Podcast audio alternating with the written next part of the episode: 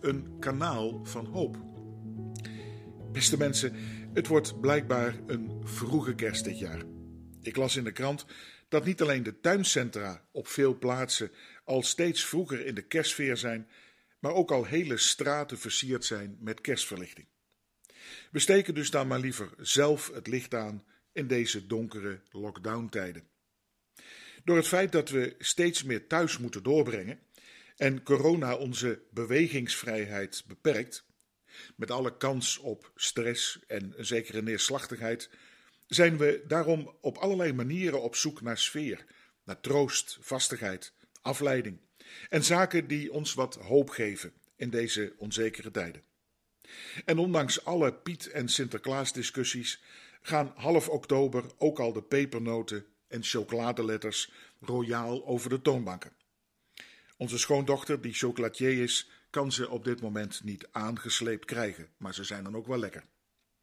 Zo proberen we op allerlei manieren tegengewicht, en soms bijna letterlijk, te geven aan die psychische zwaarte van de corona. En dus naast de dringende adviezen van de overheid om zoveel mogelijk thuis te blijven en van thuis uit ook te werken, geven aan de andere kant de psychologen en mensen die er verstand van hebben het dringende advies om ook juist te zorgen voor verbinding met de buitenwereld. Door te bellen, te zoomen, in teams elkaar te ontmoeten, te mailen, te appen, maar ook te zorgen voor afleiding, beweging en zeker ook humor en contact op anderhalve meter, zover dat mogelijk is. Bemoediging dus ook van elkaar. Ook de kerken en christelijke organisaties hebben aangeboden hieraan in deze tweede golf ook een bijdrage te willen leveren. Terecht natuurlijk dat ook kerken hun solidariteit tonen. Persoonlijk denk ik dat ze dat ook bij de beperking van het bezoekersaantal van de zondagse kerkdiensten zouden moeten doen. De opdracht van de kerk is immers toch veel breder dan alleen maar de zondag. En is er ook een van verbinding en getuigenis in de samenleving, lijkt me. En eerlijk gezegd zie ik dat ook op heel veel plaatsen vanuit de kerken en gemeentes gebeuren. Om in de maatschappij present te zijn als brengers van hoop in woord en daad en ook vaak veel flexibeler dan menigeen misschien vandaag denkt. Hoe het ook zij, we hebben behoefte aan op de een of andere manier hoopbrengers in onze huizen. Waar ook soms aan de ene kant de eenzaamheid pijnlijk gevoeld wordt, maar ook naast de lusten, de lasten van het samen zijn in kleine ruimtes pijnlijk gevoeld kunnen worden, ook door de afname van positieve prikkels van buiten. Ik moest denken aan een vroegere koning uit de Bijbel, Hiskia.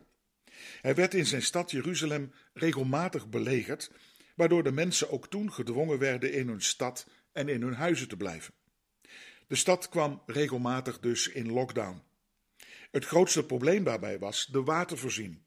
En dus liet de koning een tunnel dwars door de rotsen uithakken om een soort geheime verbinding te leggen met een waterbron ver buiten de stad. Door deze verbinding met buiten werd een grote vijver in Jeruzalem voorzien van vers bronwater. Een kanaal dus van hoop werd het. Een vaste verbinding waar de koning voor zorgde met de bron van het leven. Ik denk mensen dat we dat in deze tijd ook zo nodig hebben. Een blijvende verbinding met de bron van geloof, hoop en liefde. De bron van het leven zelf, onze schepper, die in Christus onze bron levendmakend, hoopgevend van water wil zijn. Deze tijd nodigt misschien ook uit om bijvoorbeeld voor het eerst of opnieuw weer eens in de Bijbel te gaan lezen. Om al of niet digitaal een kerkdienst te bezoeken. Om je vragen, je twijfel, je zorgen te delen met anderen. Bel eens met elkaar, app eens met elkaar, mail eens met elkaar, bemoedig elkaar. En zoek creatieve mogelijkheden. Kortom, haal die bron in huis.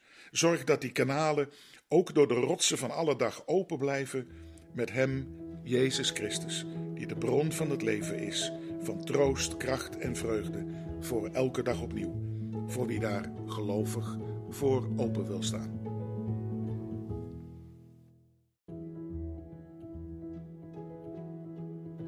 Pompoenensoep. Beste mensen, een goede bekende van ons is kampioen pompoenensoep maken.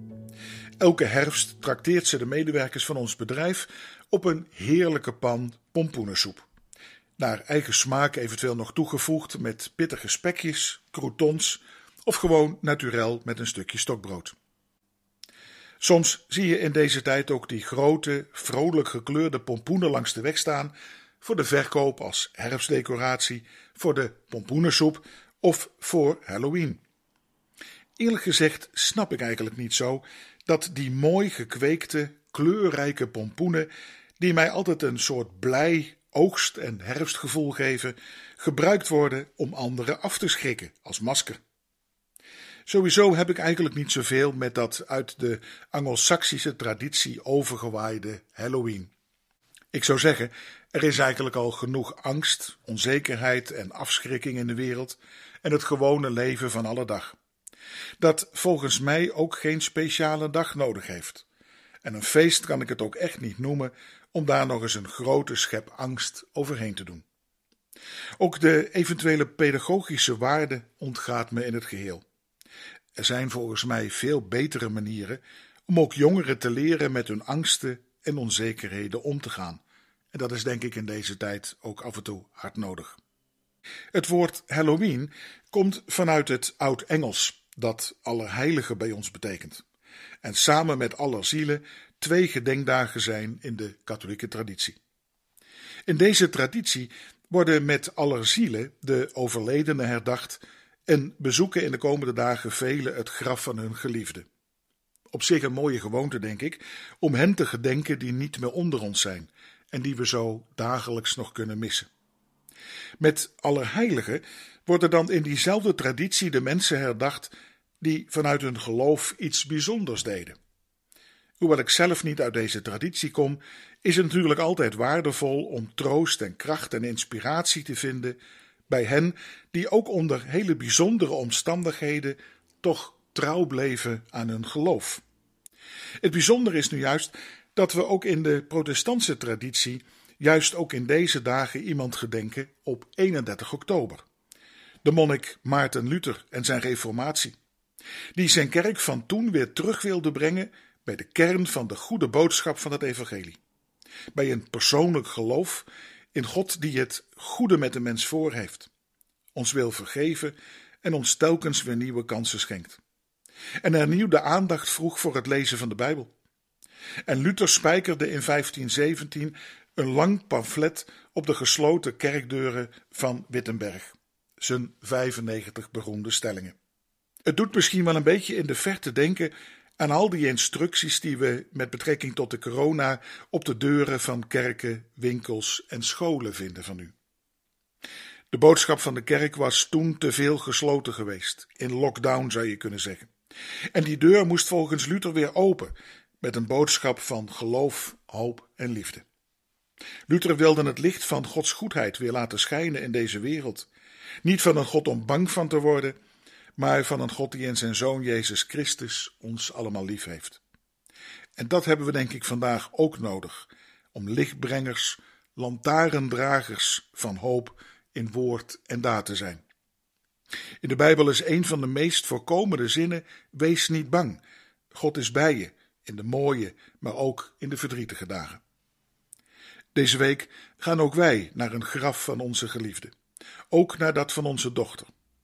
Nee, eerlijk gezegd heb ik dan niet zoveel behoefte aan een extra schrikmasker van een pompoen. Maak van die pompoenen maar lekkere soep, zou ik zeggen, met een beetje aroma soms van onze tranen er ook bij. Maar bij het graf van onze Suzanne hebben we ondanks ons verdriet en gemis toch ook steun en het geloofsvertrouwen in een levende God, in wiens hand we mogen zijn in de mooie en de verdrietige dagen, zelfs over de grens van de dood heen.